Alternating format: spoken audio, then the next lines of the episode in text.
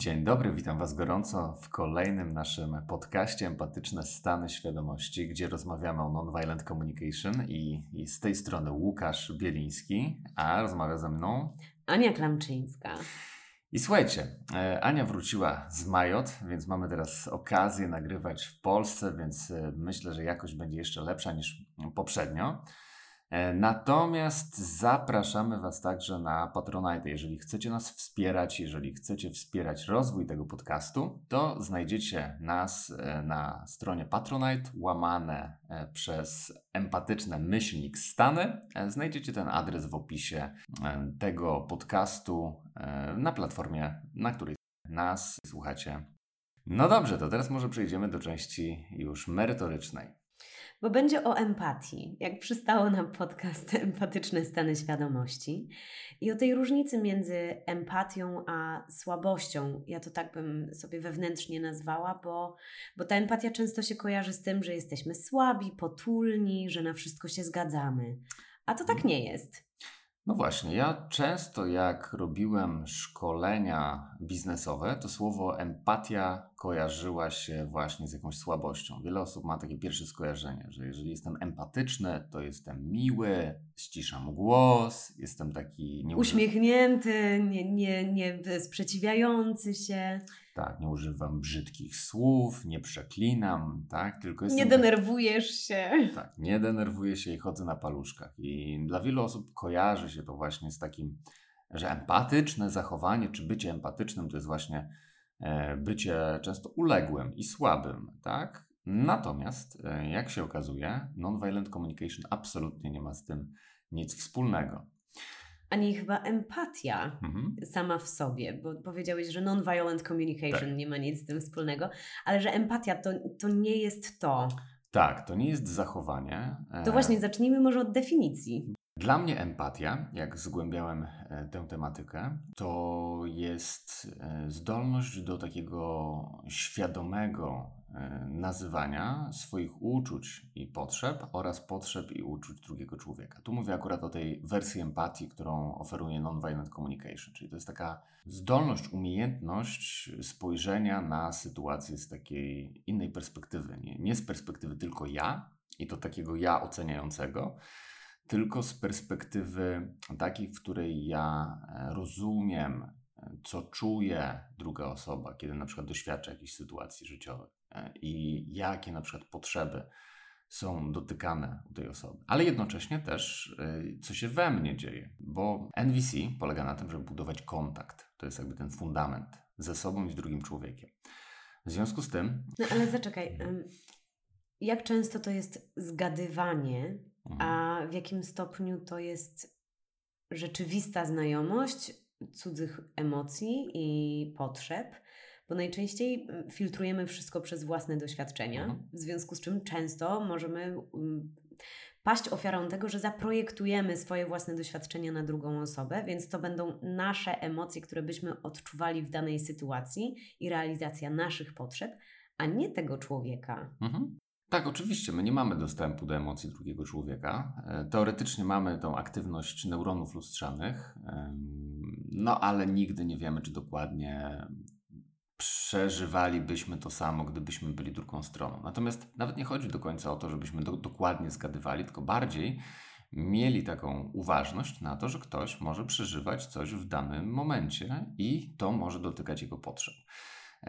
Dlatego w non-violent communication my skupiamy się na zgadywaniu. Tak? To nie jest tak, że jestem pewny, że ja wiem dokładnie, co druga strona czuje, czego potrzebuje, tylko ja sobie oczywiście projektuję, wyobrażam, ale później sprawdzam z drugą osobą, co czuje i czego potrzebuje. No ale też mówimy o takiej jakby praktyce, tak? Non-violent communication. Ja bym jeszcze e, tutaj wrócił do samej tej koncepcji empatii, bo jej zrozumienie może dać tutaj wiele takiej świadomości, wiele wolności e, też własnej, bo my niestety też e, jesteśmy uczeni tego brania odpowiedzialności za emocje drugiej strony. Już też wspominałem o tym w poprzednich podcastach.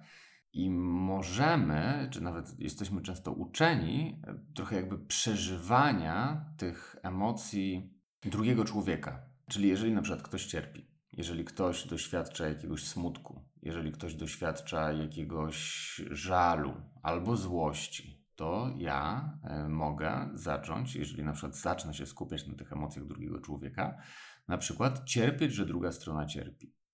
Albo bać się, że jeżeli ja coś zrobię, to na przykład druga strona będzie cierpieć. No ale to jest ta różnica między współczuciem i współodczuwaniem. Mhm. Że, że możemy współczuć, ale nie musimy współodczuwać. Tak, i tutaj może właśnie wyjaśnimy jeszcze tę, tę różnicę. tak, tak, bo Wenwis jest jedno z takich rozróżnień e, między współczuciem a współodczuwaniem, czyli współczucie E, a tu z kolei można byłoby się jeszcze podeprzeć e, taką koncepcją, którą przeczytałem w książce Przeciw empatii Paula e, Bluma, gdzie psycholog pisał o takim rozróżnieniu między empatią poznawczą i empatią emocjonalną. Czyli właśnie empatia poznawcza to jest taka świadomość tego, że ktoś może przeżywać jakieś emocje, ale z jednoczesnym takim, z taką świadomością, że ja nie jestem za to odpowiedzialny. I wtedy ja mogę doświadczyć takiego stanu, który byśmy nazwali współczuciem. Czyli jest mi smutno, że na przykład przeżywasz trudne emocje, ale jednocześnie e, mam świadomość, że to są Twoje emocje. Akceptuję to, że na przykład to przeżywasz, to co przeżywasz. E, nie chcę Cię na przykład na siłę wyciągać z tych stanów, bo to by mnie też stawiało trochę w takiej pozycji E, nie wiem, e, dominacyjnej, tak? Że ja wiem lepiej, co powinnaś przeżywać i teraz jeżeli przeżywasz ten smutek, to on jest zły, więc nie powinnaś go przeżywać i teraz ja cię na siłę chcę z tego wyciągnąć, a ty jesteś w jakimś ważnym momencie swojego życia, gdzie przeżywasz coś trudnego, e, coś, co mm, pokazuje tobie, że przykład jakaś ważna część e, Twojego życia, czy, czy Twoich potrzeb została naruszona, coś straciłaś i... No jestem jeszcze na tym etapie żałoby, tak. E, którą muszę przeżyć, żeby, żeby, przejść ten, żeby przejść ten proces. E, czyli jestem w tych nieprzyjemnych emocjach. Żeby wyciągnąć lekcje na przykład. Nie? I tylko, że właśnie my się tak spieszymy do tego, żeby wyciągać drugą stronę z tych nieprzyjemnych uczuć, że często w efekcie prowadzi to do takich no, przykrych konsekwencji. No bo jeżeli na przykład ja, i, i mamy do tego bardzo dużo, bardzo dużo różnego rodzaju narzędzi komunikacyjnych w stylu no wiesz, życie czasami polega na tym, że ponosimy różnego rodzaju e, porażki. Że tak? raz na wozie, a raz pod wozem. Raz na wozie, raz pod wozem. Tak. Albo nie przejmuj się. Albo czas leczy rany, to minie. Mhm. Albo uśmiechnij się, no, albo e, dobra. Złość, nie... złość piękności szkodzi, wszystkie tego typu teksty. Nie przesadzaj. Albo czego się spodziewałaś, przecież wiedziałaś, czy albo ja ci przecież mówiłem, że jeżeli wiem, wejdziesz w ten biznes, to stracisz pieniądze, albo jak wejdziesz w tę relację, to, mm, to ona doprowadzi właśnie do tego, do czego doprowadziła. Nie? Sama jesteś sobie winna, więc dostajemy różnego rodzaju komunikaty, e, które mogą nam wcale nie pomagać, tylko właśnie pogarszać e, sytuację. No i to wynika właśnie z takiego mm, współodczuwania, że my przeżywamy emocje drugiego człowieka, bierzemy je osobiście i nam jest nieprzyjemnie, w związku z tym e, bierzemy tę odpowiedzialność i chcemy drugą stronę jakoś szybko wyleczyć. I o ile może nawet wiesz, tutaj e, ewolucyjnie jesteśmy tak zaprojektowani, że jeżeli na przykład dotkniemy czegoś gorącego albo czegoś ostrego, no to automatycznie, automatycznie zabieramy rękę, albo coś nam się wbije, no to szybko usuwamy coś, co nam się wbiło, żeby na przykład nie doszło do jakiegoś pogorszenia stanu zdrowotnego, mm. albo żeby nie doszło do zakażenia. A mm, w przypadku takich sytuacji bardziej, inaczej, mniej fizycznych, kiedy dochodzi do jakiegoś bólu wynikającego z tego, że na przykład, nie wiem, kogoś zwolniono z pracy, albo właśnie dochodzi do jakichś rozczarowań e, relacyjnych, bo ktoś sobie wyobrażał, że druga strona będzie zachowywać się w określony sposób, a teraz się zachowuje w inny sposób, albo ma inny plan na życie i chce na przykład się rozstać z nami. Albo też ten plan na życie w międzyczasie się zmienił. Mhm. To też jest Y, pewnie częsta opcja, że jednak nawet jak się spotykamy w którymś momencie, no to jednak y, nie do końca życia zawsze musimy iść w tę samą stronę. I właśnie my możemy przez to mm, przeżywać wiele trudnych emocji, albo na przykład my chcemy iść w jakimś innym kierunku i widzimy, że druga strona będzie przeżywać te trudne emocje. I e, zaczynamy odczuwać coś takiego, co nazywamy poczuciem winy. Tak? Czyli, że bierzemy winę na siebie za stan emocjonalny drugiej strony. Wtedy możemy na przykład wchodzić w ten aspekt współodczuwania. Ale zaczekaj, poczucie winy jest emocją. Mhm. Czyli należy zaakceptować poczucie winy. Oczywiście. jako, e, jako emocję, która jest y, no, nieodłącznym elementem naszego życia. No ale jednak taka tendencyjność wchodzenia w poczucie winy mm, jest pewną pułapką. Mhm. Tak, bardzo trafne spostrzeżenie. tak, że mamy poczucie winy, no i oczywiście, jeżeli je przeżywamy, no to je przeżywamy i walka z nim może prowadzić znowu do różnego rodzaju przykrych konsekwencji, bo będziemy przeżywać poczucie winy, na przykład złość na drugą osobę, że nas w to poczucie winy wprowadza, bo nie powinna na przykład być smutna przez to, że my chcemy na przykład pojechać z kolegami na ryby, a druga strona chciała na przykład spędzić z nami najbliższy weekend, jest smutna i w efekcie możemy być właśnie tutaj agresywni po to, żeby wytłumić w drugiej stronie ten smutek, e, żebyśmy my nie przeżywali poczucia winy, prawda? Natomiast poczucie winy jest pewnym takim dzwonkiem alarmowym, mówiącym o tym, że my weszliśmy w, jakiś określony system myślenia, jakiś określony system przekonań, tak? Czy właśnie przekonań takich, że na przykład druga strona cierpi, nie powinna cierpieć, a ja jestem na przykład przyczyną cierpienia. I nie chodzi o to, żeby wiesz, być teraz bezdusznym i mieć gdzieś uczucia drugiej strony, tylko ja przez taką świadomość, budowanie kontaktu ze swoimi potrzebami, czyli ja, ja mogę na przykład doświadczyć takiego takiej potrzeby troski, że ja chciałbym się zatroszczyć w drugą stronę. No, kiedy przeżywa smutek, jest to jakiś sygnał, że ona cierpi, że doświadcza czegoś przykrego, e, ja mogę mieć naturalną po prostu chęć wsparcia drugiej strony. Ja? Tylko wsparcie drugiej strony to już e, w jaki sposób ja będę wspierał drugą stronę, to już zależy od tego, jaką strategię e, wybiorę. I czasami właśnie taka. Mm, Właśnie, nie chodzi o to, żebym ja się znieczulił i nie chciał wesprzeć drugiej strony, tylko ja mogę albo chcieć wesprzeć drugą stronę, żeby uniknąć poczucia winy, Albo ja mogę na przykład doświadczyć takiego smutku i żalu, że smutno mi, żałuję, że przeżywasz to, co przeżywasz. Chciałbym Cię wesprzeć przy jednoczesnym niebraniu odpowiedzialności za Twoją emocje, tak? A podasz przykład, jakby to mogło wyglądać? Możesz rozwinąć właśnie? W takim, w takim um, środowisku, w relacji um, rodzic-dziecko, mhm. uh, jak, jakby to mogło wyglądać, że okej, okay, widzę to, co widzę, mm, jest mi smutno, że doświadczyłeś tego, a nie innego, mhm. E, ale nie, nie biorę na siebie Twoich emocji. Mhm. No, akurat w relacji rodzic-dziecko mamy tu taką bardzo specyficzną relację, ponieważ e, dzieci nie mają zasobów do tego, żeby na przykład zadbać same o swoje emocje, albo zasobów, żeby zadbać fizycznie jakoś o siebie. Rodzic jest od tego, żeby dbać o e, emocje drugiego dziecka. Natomiast na przykład, jeżeli dziecko się przewróci, no i sobie nogę rozwali, tak? Mhm. Mm, no to ja mogę teraz, e, tutaj może być bardzo taki e, ciekawy mechanizm, bo na przykład może mi się pojawić poczucie winy, że dziecko sobie nogę rozwaliło, bo ja zaczynam myśleć, że ja w tym wypadku zaniedbałem, jestem złym rodzicem, no i na przykład pojawi mi się złość, że ono sobie tą nogę rozwaliło, bo mnie naraziło na to, że ja zaczynam myśleć o sobie, że jestem złym rodzicem i na przykład wydrę się na to. Dziecko mówiąc, co ty robisz, patrz pod nogi, nie?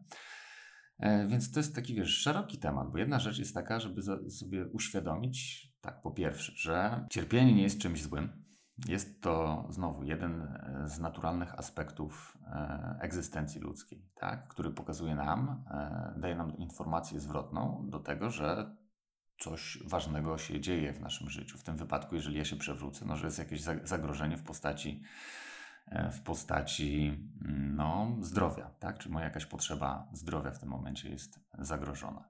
W związku z tym jest to po prostu informacja zwrotna. No i teraz tak, Mm, czy ja mogę. Czyli jest to informacja zwrotna, a nie komunikat o mnie. Tak, dokładnie. Tyle. Tak, tak. Informacja zwrotna, że jakaś potrzeba jest w tym momencie zagrożona. Tak? I oczywiście, jakby moją odpowiedzialnością jest to, żeby się troszczyć o dziecko, żeby na przykład nie umarło, nie zabiło się, nie, nie doświadczyło jakiegoś takiego uszczerbku na zdrowiu, który doprowadzi do kalectwa a jednocześnie nie jestem w stanie, biorąc pod uwagę złożoność e, wszechświata i tego, że na pewne rzeczy po prostu nie mam wpływu, mimo tego, że na przykład będę tłumaczyć, wiesz, to jest tak, że tłumaczę dziecku, że coś, na przykład, nie wiem, że żelazko jest gorące, nie? no to jeżeli ktoś nigdy nie wie, nie doświadczył oparzenia, to nie ma zielonego pojęcia, co to znaczy się oparzyć. To jest jakiś abstrakt kompletny, nie? I e, w efekcie, no to dziecko nie jest w stanie zrozumieć intelektualnie, co to znaczy, wiesz, być oparzonym, jeżeli nie można tego żelazka dotykać, nie? To też nie znaczy, żeby brać, wiesz, rękę dziecka i specjalnie do żelazka e, przykłady, tylko zaakceptować, że takie wydarzenie może się zdarzyć, nie? I jednocześnie, jak wtedy zatroszczyć się o to dziecko, żeby pomóc mu przejść przez ten proces uczenia się życia, tak? No bo to jest jakiś proces uczenia się uczenia się życia, czyli oparzyłeś się. Teraz, jeżeli na przykład dojdzie do takiego oparzenia, no to na przykład tutaj, wiesz, przytulimy, opatrzymy ranę, e, wiesz, i ona się zagoi. Nie? I oczywiście znowu nie chodzi o to, żeby być kompletnie takim bezdusznym, bezdusznym rodzicem, który. A, dobra, niech się obleje herbatą, poparzy, wiesz, tak, w taki sposób, żeby blizny zostały. Nie, absolutnie, cały czas troszczę się, tylko z taką świadomością, że jest jakaś granica e, wpływu mojego i że jak coś się wydarzy, no to po prostu to jest część życia, to jest w pakiecie. Także w pakiecie jest to, że na przykład jak będę kroić sałatkę, to mogę się zaciąć.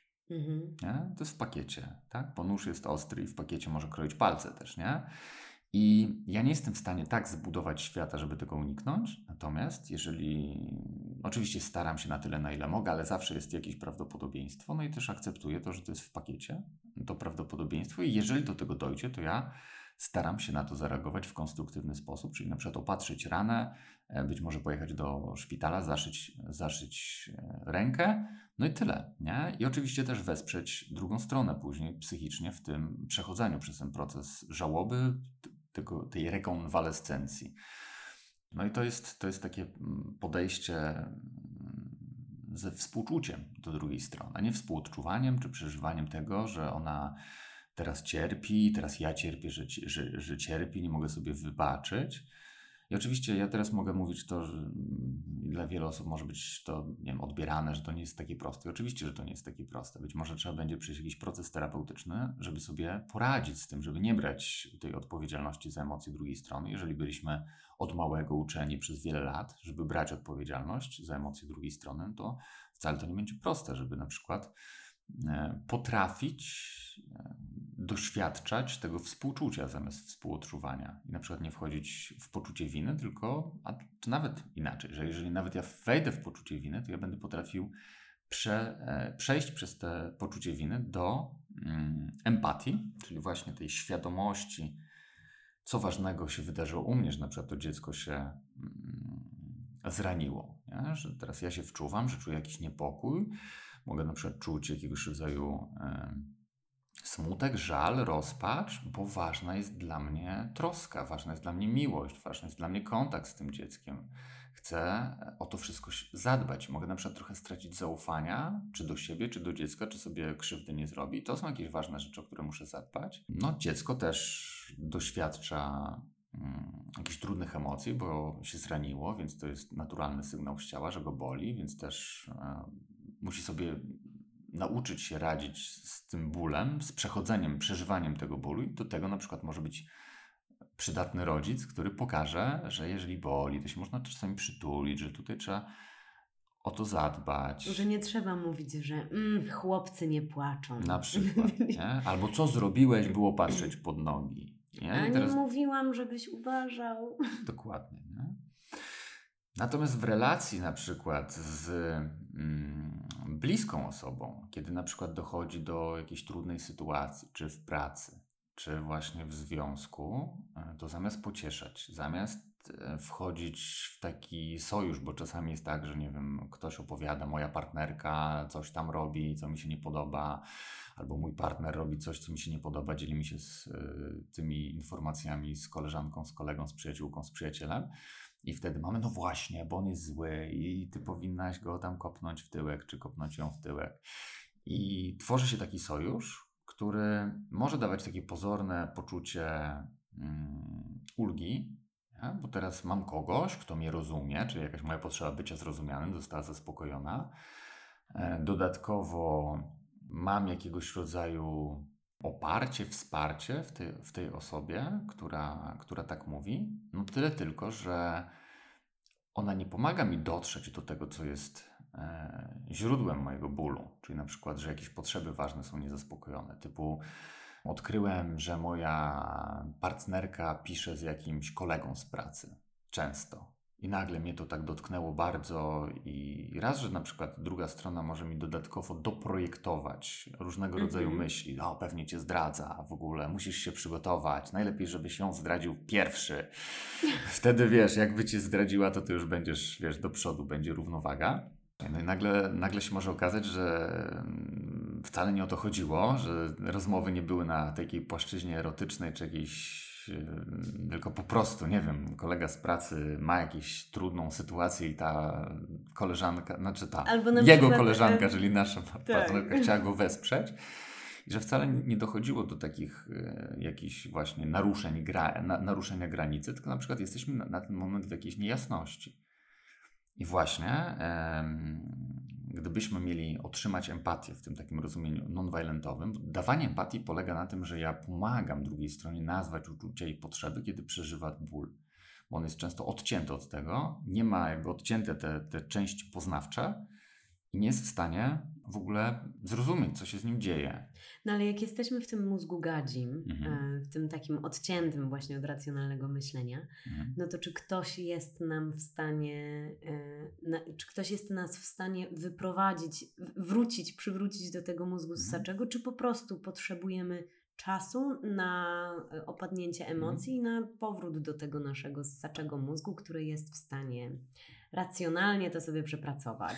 No i oczywiście tutaj pewnie odpowiedź taka standardowa. To zależy. Zależy, jak bardzo jesteśmy odcięci, bo wyobrażam sobie, że ktoś jest w jakimś ataku paniki, no to może najpierw w ogóle trzeba byłoby taką osobę skrępować, żeby sobie nie zrobiła krzywdy jakiejś, podać leki uspokajające i dopiero później zacząć e, dialog. Natomiast jeżeli byśmy byli w takim stanie jeszcze mm, świadomości, który na to pozwala, no to wtedy jak najbardziej, czyli to może być bardzo wspierające, tak? Czyli oczywiście też pytanie, czy druga strona w ogóle chce otrzymać tą empatię. Natomiast często jest tak, że nawet jeżeli nawet nie musimy czasami pytać, tylko dać tą przestrzeń, tak? Czyli nie oceniać, nie pomagać takiego wyjść z tego, nie, nie kwestionować, tylko dać taką przestrzeń swoją obecnością, że ja widzę, że ktoś jest w cierpieniu, akceptuję to, że jest w cierpieniu, nie chcę przyspieszyć żeby ktoś wyszedł z cierpienia. To nie jest tak, że jak będę ciągnął tą trawę, to szybciej urośnie, jeszcze mogę, może się uszkodzić.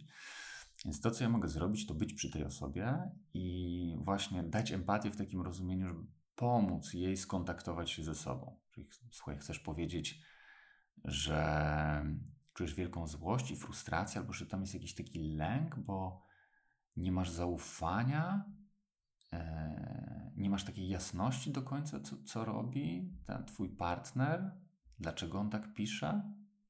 Chciałbyś mieć taka, taką jasność, na czym ty stoisz, czy to na przykład jest związane z waszą relacją, czy on szuka czegoś innego, czy nie. Chciałbyś się czuć bezpiecznie. Wiesz co, coś, co mi cały czas przychodzi do głowy, to yy, tekst, który ja sobie zawsze powtarzam. Nie wiem, pytam, mhm. żeby mieć tę jasność. Ale wydaje mi się, że no to ta osoba musi mhm. dojść do tego, jakie rozwiązanie będzie dla niej dobre, a nie, nie ta przyjaciółka, która tutaj wysłuchuje i która, która właśnie, która może albo wejść w empatię, albo może wejść w po prostu w zrozumienie i w to danie przestrzeni. Mhm. No tylko właśnie to, ta empatia jest dla mnie właśnie tym tą przestrzenią i tym zrozumieniem. Okej, okay, to dla mhm. mnie, um, no, tak, to, to miał być synonim, natomiast może wejść też w to, um, w ten wspólny front przeciwko, albo w to takie, no weź, nie przesadzaj, albo w dowolną inną strategię na, mhm. na zredukowanie tych emocji. Tak. A to nie chodzi o redukowanie emocji, tylko o wybrzmienie ich. Tak, danie takiej przestrzeni na wybrzmienie ich i trochę uświadomić sobie, czy pomóc w uświadomieniu, co jest tak naprawdę tym, tym celem, tą wartością, którą ta druga strona chce zadbać. Na przykład zaufanie może być takie kluczowe, że tego typu zachowanie, kiedy mój partner, partnerka zaczyna rozmawiać z inną osobą dłużej niż jakiś tam czas, dotyka tej mojej potrzeby zaufania i też dotyka mojej potrzeby jasności, że nie wiem, co się dzieje. No i chciałbym wiedzieć, co się dzieje. Chciałbym mieć zaufanie do drugiej strony, że na przykład będzie brać pod uwagę też mnie. I, mm, i to może dać taką ulgę, że jak ja wiem, o co ja chcę zadbać, to później się otwierają płaszczyzny i przestrzenie na to, żeby, mm, żeby jakoś zareagować, żeby na przykład być może porozmawiać z drugą stroną, powiedzieć też o swoich uczuciach, potrzebach, żeby zadbać o tą jasność, tak? zaprosić do dialogu drugą stronę. No ale czasami oczywiście są takie sytuacje, kiedy ktoś coś straci, na przykład zostanie zdradzony, albo ktoś bliski ulegnie wypadkowi, albo straci pieniądze. E, no to podobnie tutaj też, czyli dawanie takiej przestrzeni na wybrzmienie tego wszystkiego i to może wymagać czasu, bo, no bo ktoś może być w bardzo takim silnym rozbiciu, bo się jakiś radykalnie zmienia jego e, życie. Okej, okay, a jeśli widzimy, że to trwa latami, mhm. to co wtedy zrobić? Że na przykład widzimy, że E, to rozbicie, to przygnębienie z naszej perspektywy, oczywiście ciężko jest to jakoś obiektywnie ocenić, ale z naszej perspektywy trwa już za długo. Mhm. To czy. To ja bym się przyjrzał właśnie sobie, że znowu mamy tą ocenę, że cierpieć można tylko x czasu. Więc wiesz, tutaj. No dobra, tak. to tutaj mnie sprowadziłeś na ziemię, ale czy jest. Aha. Czyli można niektóre cierpienia przeżywać do końca życia? Mhm. Co, to jest znowu złożony temat, bo pytanie często jest takie, wiesz, jak ktoś cierpi i czy on rzeczywiście dostał taki, takiego wsparcia, jakiego potrzebował, bo często nie dostaje takiego wsparcia. My nie jesteśmy uczeni na przykład wspierać drugiego człowieka w ten konstruktywny, empatyczny sposób tylko właśnie poprzez e, kwestionowanie albo na przykład robienie jakiejś presji albo straszenie czasami, że już za długo ja tego nie zniosę, jak tego będzie dalej, to będą takie konsekwencje, weź się w garść. No i to tylko może zamykać tą osobę, no bo jakby nie ma przestrzeni, nie ma takiej akceptacji na byciu w tym cierpieniu. Więc często mm, jakby takim pierwszym krokiem może być spojrzenie na siebie, jaki ja mam stosunek w ogóle do cierpienia drugiego człowieka. E, no bo jeżeli ja chcę wyciągnąć tą osobę, no to on może to wyczuwać, że ona nie jest akceptowana taka, jaka jest, że być powinna jakaś, co może być właśnie w ogóle źródłem cierpienia, nie? Bo ktoś na przykład zostawił ją, bo powinna być jakaś. Nie byłaś taka, no to cię zostawiłem, zdradziłem. I teraz to, co na przykład poruszyło, no to ten brak bycia akceptowanym takim, jakim jestem i teraz ja cierpię z tego powodu, bo nie dostaję tej akceptacji, bo ja nie nauczyłem się siebie akceptować takim, jakim ja jestem i ktoś znowu mnie ocenia, że ja cierpię teraz za długo.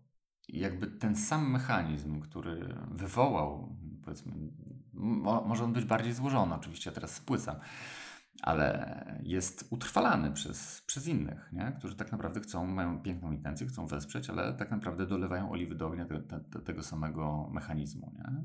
Tej, tej samej kwestii, w tej samej kwestii. A jak dużo znasz osób, hmm. które, które powiedzą, że dajcie wy mi spokój, ja teraz chcę sobie pocierpieć. No właśnie. I, i, i znowu cały taki proces yy, może też wyglądać, bo jeżeli ktoś na przykład cierpi, yy, bo może być tak, że ktoś się zamyka na yy, wsparcie, bo nie ufa właśnie.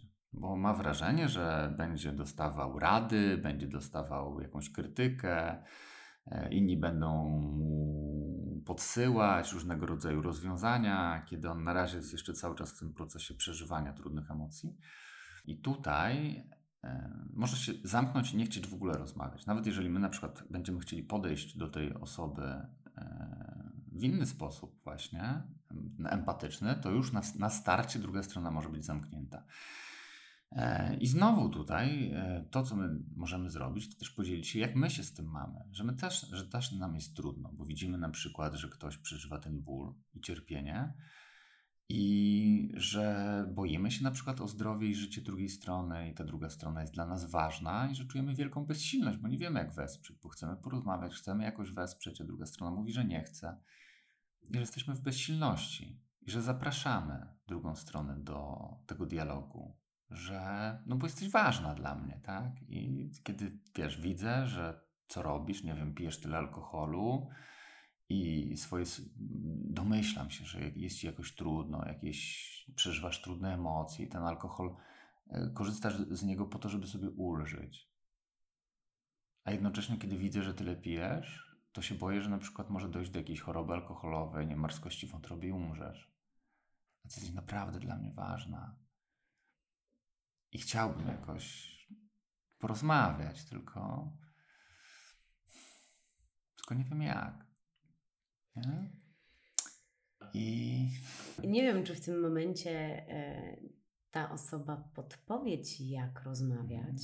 Mm, czy gdybym ja była w takiej sytuacji, to bym umiała ci odpowiedzieć, natomiast to samo usłyszenie, że jestem dla ciebie ważna, um, daje siłę. Daje zupełnie inny kontekst niż to takie, no co ty nie weź tam, nie mhm. przesadzaj. Tak, i tutaj chcę zaznaczyć taką jedną ważną rzecz, że, moim celem nie jest teraz wzbudzenie, wiesz, w drugiej stronie poczucia winy, nie? E, bo jest różnica między, wiesz co, no jest mi smutno, że przeżywasz to, co przeżywasz. Nie, to ja tego nie usłyszałam. Ja usłyszałam to, że, tak. że jesteś dla mnie ważna. Tak, e, tak, I że martwię się o ciebie. Mhm. I to, to było coś, co ja usłyszałam z tej wypowiedzi. Tak. I chciałbym jakoś wesprzeć. E, tak ale pomóż mi i powiedz jak. Tak, ale tak, daj sobie, daj sobie pomóc. Nie? Czy, czy, czy możemy popróbować jakoś poszukać, może małymi krokami, może ani ty nie wiesz na razie, jak sobie pomóc. Ja też może nie wiem, jak ich pomóc, ale może poszukajmy jakimiś małymi krokami. Nie? Tak, bo, bo czasami niektórzy, wiesz, mogą stosować właśnie nieświadomie chęć, znaczy wzbudzają poczucie winy, mówiąc, o wiesz co, przez ciebie ja cierpię, jak ty tak wiesz się zapijasz, to wiesz co to mi robi, wiesz jak ja, wiesz, tutaj przeżywam ten brak kontaktu z tobą. Ja się tak martwię. Ja się tak martwię. I... A ty mi takie rzeczy robisz. Tak, ty mi takie rzeczy robisz, no to jest zupełnie inaczej, to jest inna energia niż ta właśnie, że ja chcę być z tobą, ja chcę wesprzeć, nie? Tylko i wiem, że możesz nie ufać, możesz się bać, możesz możesz mieć właśnie mm, wiele doświadczeń w swoim życiu, które, w których nie było tego wsparcia, tylko było jeszcze gorzej, ale, ale ja teraz trochę inaczej chcę, nie? Może podsumowując, bo będziemy... Ja bym na podsumowanie chciała Cię dopytać, Aha. jak to ćwiczyć? Mhm. Jak ćwiczyć tę empatię, mhm. tę taką wspierającą i tę taką też dbającą o nas mhm. samych?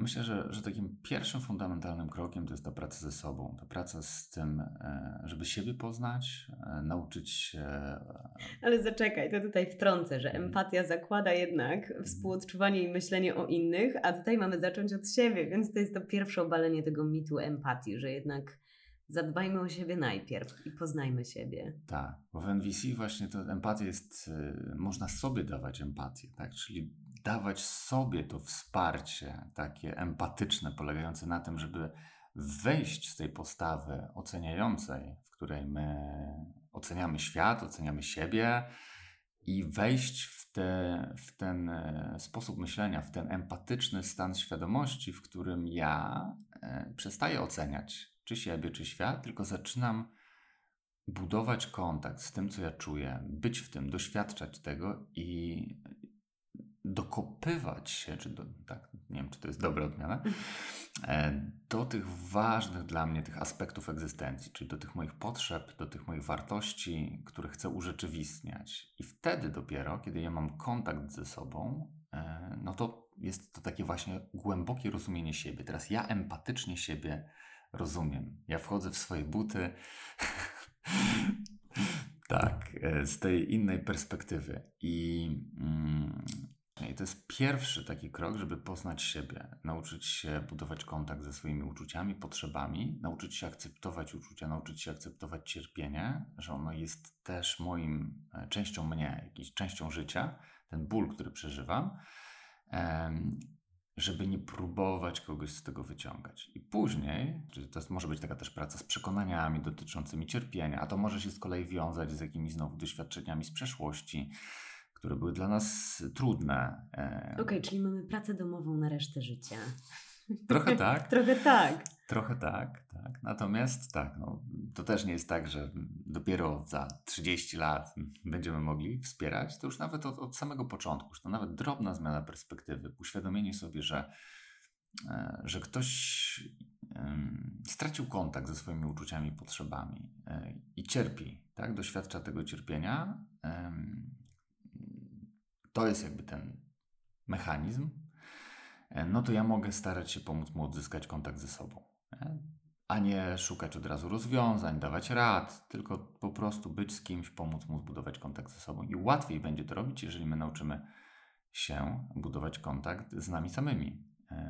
I przy okazji właśnie poprzyglądamy się tym przekonaniom związanym z, z cierpieniem i braniem odpowiedzialności za emocje drugiego człowieka. Bo na logikę można to wszystko pięknie rozumieć, ale w praktyce, jak byliśmy warunkowani przez wiele, wiele lat od małego i mamy bardzo silne nawyki brania tej odpowiedzialności e, za emocje drugiego człowieka, no to może być to e, bardzo trudne, żeby tak po prostu dopuścić. Nawet jeżeli będziemy logicznie to świetnie rozumieć, to jednak e, czasami musimy to przeprocesować, jak to się tak fachowo mówi, na jakiejś sesji indywidualnej z kimś, żebyśmy rzeczywiście mogli puścić to branie odpowiedzialności za emocje drugiego człowieka, bo warto być świadomym, że ten mechanizm skąd, się wziął. Czyli jeżeli byliśmy mali i na przykład braliśmy odpowiedzialność za emocje naszych rodziców, no to to był mechanizm, który pozwalał nam przetrwać. Jeżeli mój, mój rodzic był wściekły ja brałem odpowiedzialność za jego wściekłość i chciałem go uspokoić, no to dzięki temu, że go uspokoiłem, no to on na przykład mnie nie pobił albo nie dał mi jakiejś kary. Nie? Więc mechanizm działał i on mi dał przetrwa- dawa- dawał mi przetrwanie. No ale też nie wykształcił się żaden inny mechanizm. No i właśnie. No więc teraz mamy konsekwencje. No właśnie.